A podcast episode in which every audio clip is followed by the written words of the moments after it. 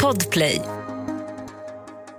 Du vet väl om att du kan lyssna på avsnitten av Fallen jag aldrig glömmer en dag före alla andra. Redan på torsdagar kan du lyssna på podden på podplay.se eller i appen Podplay. Och naturligtvis är det gratis.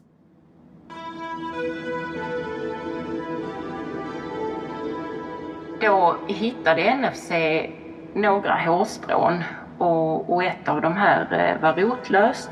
Nu har vi skickat iväg det här hårstrået på nytt till en professor. Och han eh, har börjat försöka få fram en ADNA-profil på det här hårstrået. Om du döms till livstid för det här, då ska jag ta över och ta hämnd.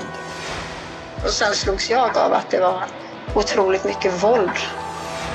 Vi fick en bild av en människa som förvandlades till en fullblodig rättshaverist. Nu är man ju ändå van som polis, men det är ju långt ifrån alltid att man blir hotad på det där sättet.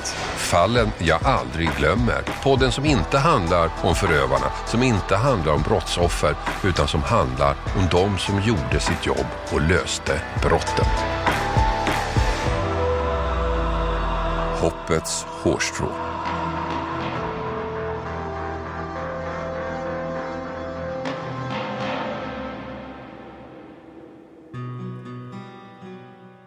Det här är en fruktansvärd historia. En historia som pågått i 20 år, en historia som ännu inte är slut. Allt började i mars 2003. Så här lät det i Efterlyst. Vad har hänt 19-åriga Maria Ayus i Malmö? Hon har varit försvunnen sedan dagen före julafton. Kan bråket på en svartklubb en kort tid innan hon försvann ha något med saken att göra? 18-åriga Marwa i Malmö är alltså försvunnen. Ingen vet var hon är. Men Leif GW Persson är optimistisk. Jag får ändå för mig att hon lever. Va? Det ska till starkare saker än så. De flesta försvinnanden slutar ju med att Ja, personen ja, ja, ja. Oddsen är på hennes sida. Så att... Men Leif hade tyvärr fel. Marwa kom aldrig tillbaka igen levande. Inte ens hennes kropp hittades hel, utan i delar med flera års mellanrum. Karin Boggio på Kalafallgruppen i Malmö jobbade med fallet. Jag blir lika upprörd varje gång för jag tycker det här är så fruktansvärt. Jag blir så frustrerad över det här ärendet. Jag förstår. Usch. Det här är alltså en historia som pågått i 20 år. En utredning med så många vändningar att den kan delas in i tre kapitel. En berättelse där slutet ännu inte är skrivet. Ett fall där hoppet nu står till en enda liten detalj. Ett hårstrå. Det är ett väldigt speciellt ärende och både Marua och Maruas familj kommer alltid ha en eh, speciell plats i, i vår grupp. Och det är ett ärende som är så extremt avskyvärt på så många sätt. Kapitel 1. Försvinnandet. Marwa Assos försvann i december 2002 i Malmö. Hon skulle ut och julhandla med sin mamma men dyker aldrig upp. Hon går inte att nå, svarar inte i telefonen, är som helt bortblåst. Det går nästan två veckor men hon hör inte av sig och ingen vet var hon finns. Då anmäler familjen hennes försvinnande till polisen. Så här berättar Karin Boggio. Marua hon anmäldes ju försvunnen den, den 3 januari 2003. Skulle ut och handla julklappar med en kompis mamma men dök inte upp. Och den här mamman försökte nå henne då via telefon flertalet gånger men lyckades inte. Och det är ju inte brottsligt att försvinna när man är myndig så att, eh, och där fanns inga, inga misstankar om brott. Så att eh, ärendet utreddes ju som ett försvinnande initialt. Nej, det fanns inga tecken på att Marwa skulle ha utsatts för något brott. Men hon var ju försvunnen så en utredning dras igång. Och då höll man ju förhör med hennes familj och andra personer i hennes närhet och det blev rätt så snabbt känt för polisen att hon hade haft en pojkvän och att de hade gjort slut bara några dagar innan eh, hon sågs för sista gången. Och man gick även igenom hennes tillhörigheter då och man hittade hennes pass och man hittade hennes bankkort och man kunde konstatera att hon hade fått insatt en lön den 23 december och den var fortfarande orörd. Och eh, man gick igenom hennes telefontrafik och då kunde man se att hennes sista aktivitet på hennes telefonkort var då den Eh, natten mellan den 20 och 21 december. Det var en hel del mystiska omständigheter som uppdagades. Hennes pass låg kvar hemma, hennes lön var orörd, hennes telefon hade varit helt tyst efter den 21 december. Oroväckande uppgifter, uppgifter som självklart ökade ängslan att Marwa inte längre levde. Och så var det pojkvännen. En pojkvän hon precis gjort slut med, även det en omständighet som kunde vara bekymmersam. Man höll ett förhör med honom redan dagen efter hon anmäldes försvunnen. Då kom han med en story att eh, hon hade varit hemma hos honom, hon hade kommit hem till honom på kvällen och sen hade hon sovit över och eh, lämnat hans lägenhet kring lunch dagen efter. Och de, de hade lagt sig vid, vid midnatt ungefär.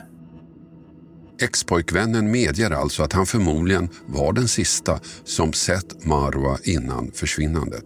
Att hon sovit hos honom sista natten det fanns spår efter henne. Bara det gav ju honom en plats på misstankelistan.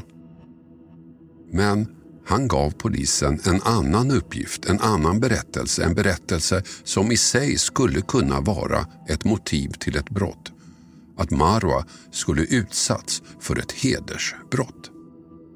Det var faktiskt han som initierade hedersspåret från början. Och, och, han menade på att hon hade berättat för honom att eh, hon hade blivit utsatt för misshandel av släktingar. Och det ska hon då ha blivit när hon besökte en svartklubb. Det här utreddes förstås redan då, 2003, men också senare när utredningen drogs igång igen. Och i det här ärendet, i ett fall med så många frågetecken, så är det en sak som Karin Boggio känner sig säker på. Något hedersbrott har inte begåtts. Och det här hedersspåret är ju någonting som har jäckat polisen både när det begav sig då 2003-2004 men, men även efter att vi tog upp ärendet 2017. Men eh, det är otroligt grundligt utrett och det finns ingenting som pekar på att det skulle vara hedersrelaterat. Det var en väldigt försvenskad eh, familj och välintegrerad och har framkommit att Merua var väldigt älskad och uppskattad. Både av hennes föräldrar då och syskon och släktingar. Och den här händelsen har tagit dem väldigt, väldigt hårt. En ung kvinna är försvunnen. Hennes pass finns kvar. Hon har inte rört sin lön. Hon har en pojkvän som hon möjligen kan ha haft en konflikt med. En pojkvän som dessutom kan vara den sista som såg henne. En rad oroväckande faktorer, omständigheter som mycket väl talade för att något förfärligt hänt. Förhållanden som alla pekar mot möjligheten att Marwa inte längre lever. Men där tar det stopp. Polisen kommer inte vidare. Vi fick ju lägga utredningen på is. Vi, vi hade ju ingen kropp. Det var helt enkelt ingenting eh, för oss. Och där tar kapitel 1 slut. Utredningen läggs på is. Försvinnandet förblir ouppklarat, inga spår efter Marwa. Det går flera månader, ända fram till oktober samma år, 2003. Då händer något som får allt att vända, en förskräcklig upptäckt. Det är dags för nästa kapitel. Kapitel 2. Fyndet. Det var i oktober 2003 som två privatpersoner var ute i bokskogen. En skog som ligger en liten bit utanför Malmö. Och de gjorde då en upptäckt. Eh, de, de hittade ett inplastat paket som låg på en höjd under en, en rotvälta. Och de gick närmare för, att kontrollera och då såg de att det stack ut hår från det här paketet och eh, de gjorde bedömningen att, att det skulle kunna vara ett, ett mänskligt huvud så att de kontaktade polisen.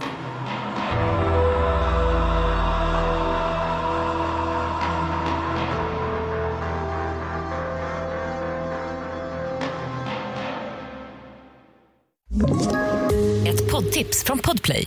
I podden Något Kaiko garanterar östgötarna Brutti och jag, Davva, dig en stor dos skratt. Där följer jag pladask för köttätandet igen. Man är lite som en jävla vampyr. Man har fått lite blodsmak och då måste man ha mer. Udda spaningar, fängslande anekdoter och en och annan arg rant.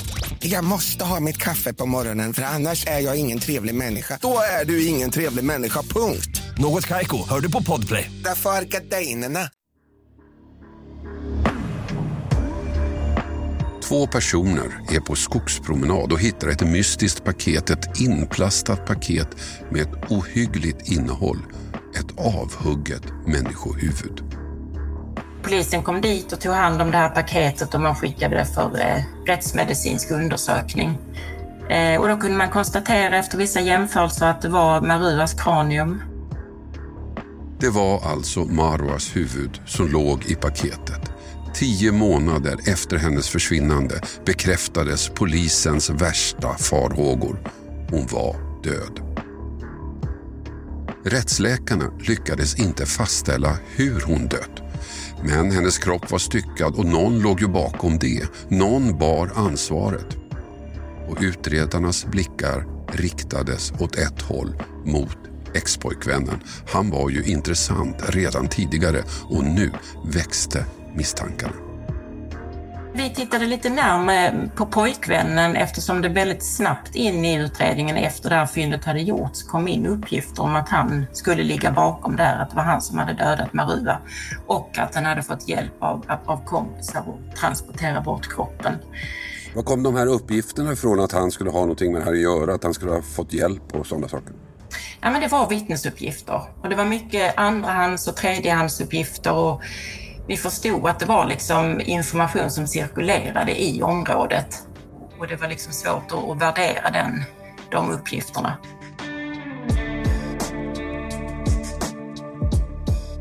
Återigen riktades alltså spåren mot expojkvännen. Återigen blev han misstänkt. Polisen gjorde en brottsplatsundersökning i hans lägenhet och den gjordes då i november 2003, 11 månader efter att hon försvann. Man hittade inget blod. Man hade en kriminalsökshund med sig som är specialiserad på just likdoft. Och den hunden markerade tydligt i eh, expojkvännens kök, på köksgolvet. Så man, tog, eh, man bröt upp det här golvet och polisen tog, tog hand om det för, för vidare undersökningar.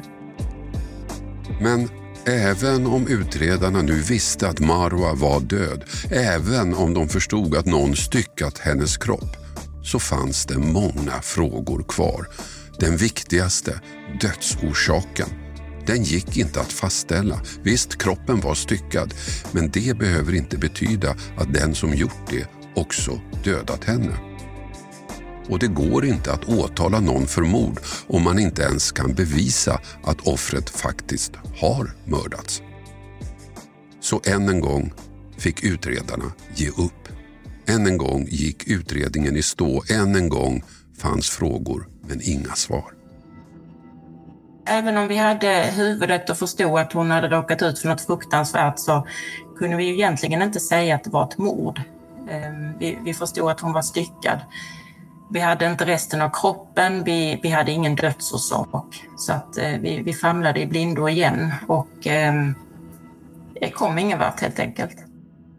De trodde att de skulle få svaren, att fyndet av huvudet skulle bli genombrottet i utredningen. Men så blev det alltså inte. Extremt frustrerande. Det är ju ett eh, otroligt eh, allvarligt, allvarligt brott det här. Ehm, och frustrerande att behöva lägga det på is på grund av bristande bevisning. Och, och pojkvännen, expojkvännen, han satt ju häktad eh, då när det begav sig också en tid, men, men släpptes då på grund av eh, bristande bevisning. Och där slutar kapitel två. Nu går det lång tid, närmare 15 år faktiskt. Sen börjar nästa kapitel, den här gången på en byggarbetsplats nära Malmö. Kapitel 3 det andra fyndet. Så anträffades ytterligare delar av eh, Maruas kvarlevor. Och det gjordes i samband med ett schaktningsarbete på en byggarbetsplats i Nordanå som ligger en bit utanför Malmö också. Och de här kvarlevorna var delvis inpaketerade i, i samma typ av svarta plast som man hittade huvudet i. Och, och det var också tejp då. Ja, det är resten av Marwas kropp som hittats. Allt utom det ena benet och foten. Och nu finns det möjlighet att bevisa hur hon dött. Kroppsdelarna undersöks av polisens rättsmedicinska experter men en ny expert kopplas in, en skelettexpert, en osteoarkeolog, en person som är specialist på just skelettdelar. Och den här osteoarkeologen eh, var extremt kunnig och noggrann och, och väldigt, väldigt engagerad. Och hon reagerade särskilt på en skada som fanns på den här tredje halskotan och kom fram till att den skilde sig åt från, eh, från de andra styckningsskadorna som hon gjorde bedömning att det var. Och hon kom fram till att den här skadan på halskotan, den, den var inte skarp som de andra var. Och eh, man anträffade även blyrester i den här skadan. Eh, så hon kom med ett utlåtande att eh, det gav stöd för att skadan orsakats av en kula från ett vapen. Och hon gjorde också att bedömningen av skottriktningen var bakifrån. Och där fick utredarna det de behövde, en dödsorsak. Marwa hade blivit skjuten. Det var visserligen inte 100% bevisat men allt tydde på det. Hur skulle skadan i nacken annars förklaras? Det här gjorde att utredningen tog fart igen. Så här säger Karin Boggio. Men det var ett stort framsteg i ärendet och äntligen har fått en dödsorsak så att vi, eh, vi, körde, liksom, vi körde på. Vi bestämde oss för att göra ett grundligt omtag i utredningen och vi hörde i princip om samtliga som hade varit förhörda tidigare. Och, eh, det var många viktiga vittnen som tyvärr hade avlidit, det hade ju förlöpt en tid. Och då fick vi höra personer i deras närhet för att se om de hade fått något berättat för sig. Och sen hörde vi såklart nya personer som inte hade uppmärksammats då eh, 2003-2004. Och vi gjorde omtag i dörrknackningen. Vi fick hjälp med att knacka dörr i ungefär 600 hushåll då i området kring eh, expojkvännens lägenhet. Och det var många av de här som inte bodde kvar, men vi har en släktforskare i gruppen som hjälpte oss att lokalisera dem. Och sen hade vi också en operativ eh, analytiker som gick igenom allt telefonmaterial på nytt och vi begärde nya forensiska undersökningar på, på tejp och plastsäckar som, som kroppsdelarna varit förpackade i. Och spåren tar inte slut där. Plötsligt dyker det upp uppgifter om ett vapen. Och sen började vi även intressera oss för ehm, ett salongsgevär. I och med den här osteoarkeologen hade kommit fram till att eh, dödsorsaken var en, en skjutning så eh, hade vi fått uppgifter om att det skulle cirkulera ett vapen i den här eh, vänskapskretsen då till expojkvännen. Och vi hade också hittat fotografier som var tagna bara ett par månader innan Merua försvann och där stod expojkvännen och hans vänner poserade väldigt, väldigt vårdslöst med det här vapnet. Och det visade sig att det här vapnet då efter, efter granskning av eh, vapenexperter, de fick titta på bilderna, så kom de fram till att det var ett salongsgevär kaliber 22. Det stämde överens, det kunde ha varit det geväret då som används då? Ja, det, det var det som var hypotes. Nu hade utredarna en möjlig dödsorsak, att Marwa skulle blivit skjuten med ett finkalibrigt vapen och nu hade man också uppgifter och bilder på ett sånt vapen. Bilder som kunde kopplas till expojkvännen.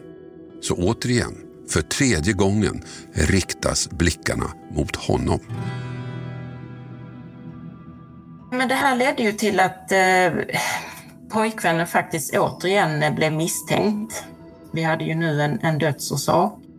Han hade ju också, vi hade kunnat beslå honom med lögner i de tidiga förhören, speciellt då i, i ett häktningsförhör. Han satt ju häktad som sagt då 2003, 2004 någon gång där. Eh, och han berättade ju att han, att han hade sovit stora delar av natten men, men vi kunde ju se på hans telefontrafik att hans telefon hade varit aktiv. Plus att han hade satt in sitt eh, eller Maruas telefonkort i sin telefon under natten. Och vi hade också en vittnesuppgift från en av Maruas vänner som hade berättat att hon försökte ringa till Marua den här natten, eller kvällen, natten mellan den 20 och 21. Hon ville att de skulle gå ut och festa.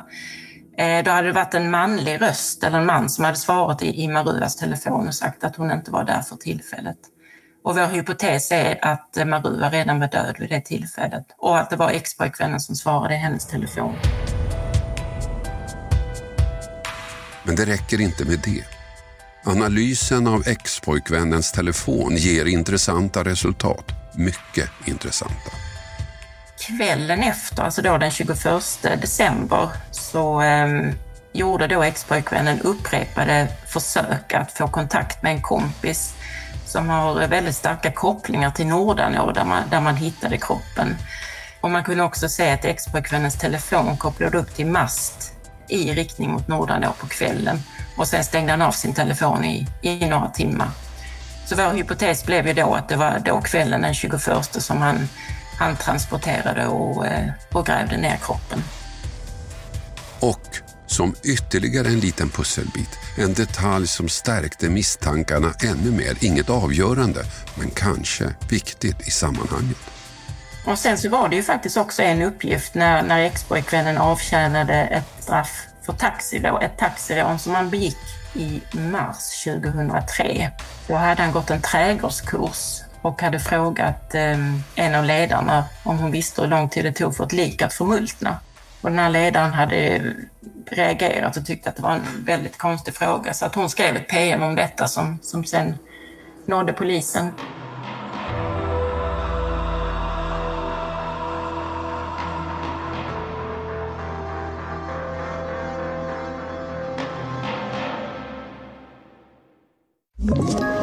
Ett poddtips från Podplay. I podden Något Kaiko garanterar östgötarna Brutti och jag, Davva, dig en stor dos skratt. Där följer jag pladask för köttätandet igen. Man är lite som en jävla vampyr. Man har fått lite blodsmak och då måste man ha mer. Udda spaningar, fängslande anekdoter och en och annan arg rant. Jag måste ha mitt kaffe på morgonen för annars är jag ingen trevlig människa. Då är du ingen trevlig människa, punkt. Något Kaiko, hör du på Podplay. Därför är gardinerna. Det låter enkelt, men allt det här arbetet tar lång tid. Det är väntetider på tekniska analyser, det är nya brott som måste utredas som kommer före och andra omständigheter som gör att det tar fem år. Fem år från fyndet 2017 tills utredarna kände sig färdiga att ta nästa steg. Att gripa expojkvännen. Så han greps eh, i början på december 2022. Eh, vi hade planerat den här insatsen minutiöst. Vi hade patruller som hade placerat ut i området kring hans bostad. Och vi hade mobiliserat då för husrannsakan också som vi tänkte göra både i hans bostad och i hans eh, kontor. Och det var inte för att vi skulle hitta någonting som, som direkt var kopplat till det här ärendet. Det förstår vi att det har man inte efter så lång tid. Men det var ju främst datorer, telefoner, hårddiskar som kanske fanns sparade från den här tiden. Så expojkvännen grips misstänkt för mord. Och på kvällen den 6 december 2022 hålls det första förhöret med honom och då svarar han på frågorna. Men sen var det stopp. Just i det förhöret så pratade han på och han, han berättade väl det han kunde. Eh, vi kunde beslå honom med lögner. Han, han ljög om vilka han hade umgåtts med vid den här tiden och han ville liksom distansiera sig från den här tiden. Det, det märktes tydligt. Och det var också väldigt mycket han inte mindes, sa han. Och sen så transporterades han ner till Malmö och häktades och sen slutade han prata. Han satt helt tyst i alla, jag tror vi hade 13 förhör med honom sen. Nej, efter det första förhöret är han tyst. Inga mer svar på någonting. Men skulle det visa sig, det fanns andra som gärna ville prata. En person som hade viktiga uppgifter, en person som försökt komma i kontakt med utredarna. Så här berättar Karin Boggio. Det var i april 2023 fick vi in ett mejl i, i Kalla fall-gruppen. Det var en person som skrev eh, att han hade väldigt viktiga uppgifter att lämna till polisen Eh, och undrade också varför inte polisen hade kontaktat honom tidigare för att han visste att vi hade dragit igång utredningen igen. Eh, och han berättade då i det här mejlet att han, han hade liksom varit i det här umgänget kring expojkvännen Tre månader efter att expojkvännen gripits, 20 år efter att Marwa försvunnit, kommer alltså en person med väldigt centrala uppgifter med en berättelse av oerhörd betydelse. Så vi höll ju förhör med honom och då berättade han att han hade fått reda på av en annan kompis att eh, den här expojkvännen hade, hade dödat Marua. Och han eh, blev väldigt upprörd, det där vittnet, och valde att konfrontera expojkvännen. Så eh, de träffades på en spelhall i Malmö och vittnet gick fram till expojkvännen och frågade rakt ut liksom, jag har hört att du har dödat Marua, stämmer det? Det här vittnet har alltså hört att expojkvännen skulle ha mördat Marwa så han konfronterar honom och får ett tydligt och klart svar. Och då ska expojkvännen ha berättat att eh, ja, jag sköt henne med en 22 eh, men hon dog inte utan hon låg och rosslade avseende andningen då så att jag stoppade en strumpa i halsen på henne så att hon kvävdes till döds. Det här blir den sista pusselbiten. I början på augusti i år 2023 så ställs expojkvännen inför rätta. Och Karin Boggio tycker att bevisläget ser bra ut från utredarnas perspektiv.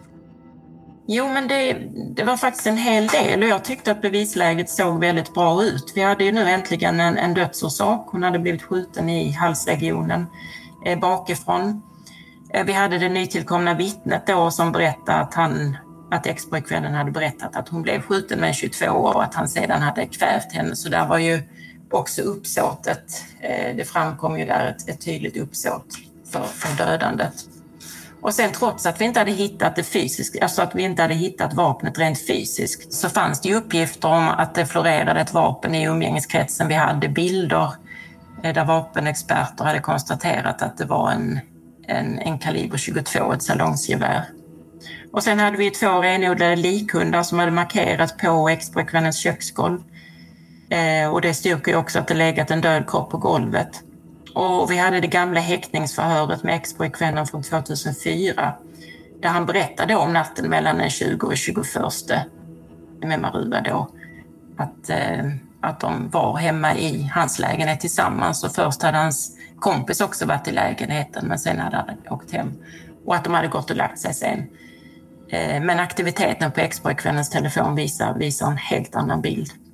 Och sen har vi då också sista utgående aktiviteten på Maruas telefon. Det var ju då kvällen, natten mellan den 20 och 21 och då kopplade telefonen upp till, till mass som täcker eh, eh området för pojkvännens bostad, eller expojkvännen. Och sen hade vi väninnan, Maruas väninna som hade berättat att det var en annan som hade svarat i Maruas telefon när hon hade försökt nå henne. Och här slutar kapitel 3. Utredningen är klar för att prövas i rättegång. Det finns en möjlig dödsorsak. Det finns ett möjligt vapen. Det finns uppenbara lögner från expojkvännen. Det finns telefonanalyser som är besvärliga för honom. Och inte minst, det finns ett nyckelvittne som under ed berättar att expojkvännen erkänt mordet för honom. Men, visar det sig, det räcker inte. Tingsrätten låter sig inte övertygas. I domen skriver man att visst miste Marwa livet när hon var hemma hos expojkvännen och visst, hon hade skjutits i nacken med ett vapen. Men det kan inte uteslutas att någon annan också var på platsen.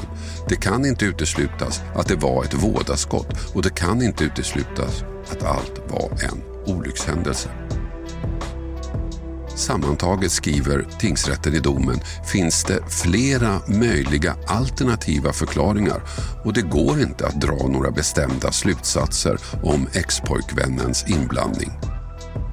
Punkt, klubban i bordet, den åtalade går fri. För utredarna, för åklagaren blir naturligtvis domen en besvikelse. Åklagaren var förstås övertygad om att bevisen skulle hålla. Det måste en åklagare vara. Men det är inte över än. Det sista kapitlet pågår fortfarande för varken utredarna eller åklagaren ger upp. Domen är överklagad till hovrätten. Och där kommer strategin förmodligen att vara en annan. Och där hoppas man också på den där lilla detaljen jag nämnde i början. Hårstrået. För när kroppsdelarna hittades 2017 görs en omfattande analys av plasten från fyndet 2003. Och polisens nationella forensiska centrum, NFC, hittar en sak. Ett hårstrå. Då hittade NFC några hårstrån och, och ett av de här eh, var rotlöst och det visade sig att eh, man kunde få fram en, en DNA-profil, men då inte en fullständig, utan en mitokondriell DNA-profil. Alltså ingen vanlig DNA-profil utan en som är betydligt mer komplicerad att analysera och jämföra med andra DNA. Men hoppet finns. Det går inte att jämföra med en riktig DNA-profil och det har inte samma bevisvärde. Men eh, nu har vi skickat iväg det här hårstrået på nytt till, till en professor i genetik och han eh, har börjat försöka få fram en ADNA-profil på det här hårstrået.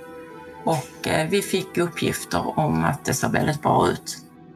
Ett enda hårstrå kan alltså få en avgörande betydelse efter 20 år. Ett hårstrå som utredarna sätter sitt hopp till. Men, menar Karin Boggio, det finns också annat som kan tas upp i hovrätten. Hårstrået är inte det enda.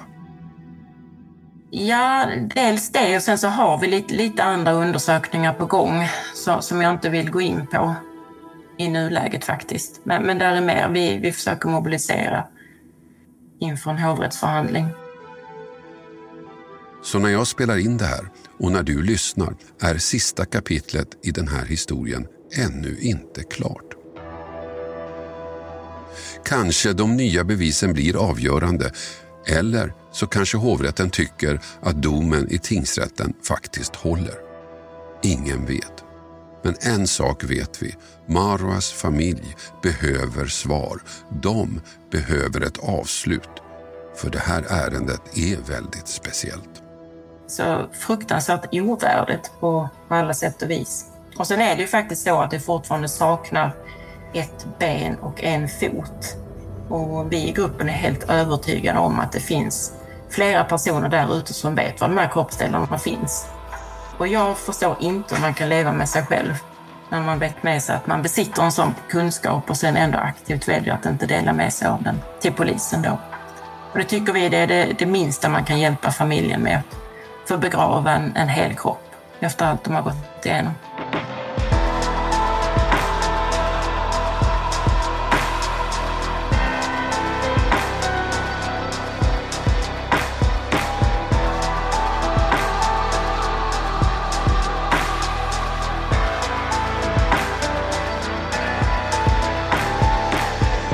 Du har hört podden Fallen jag aldrig glömmer.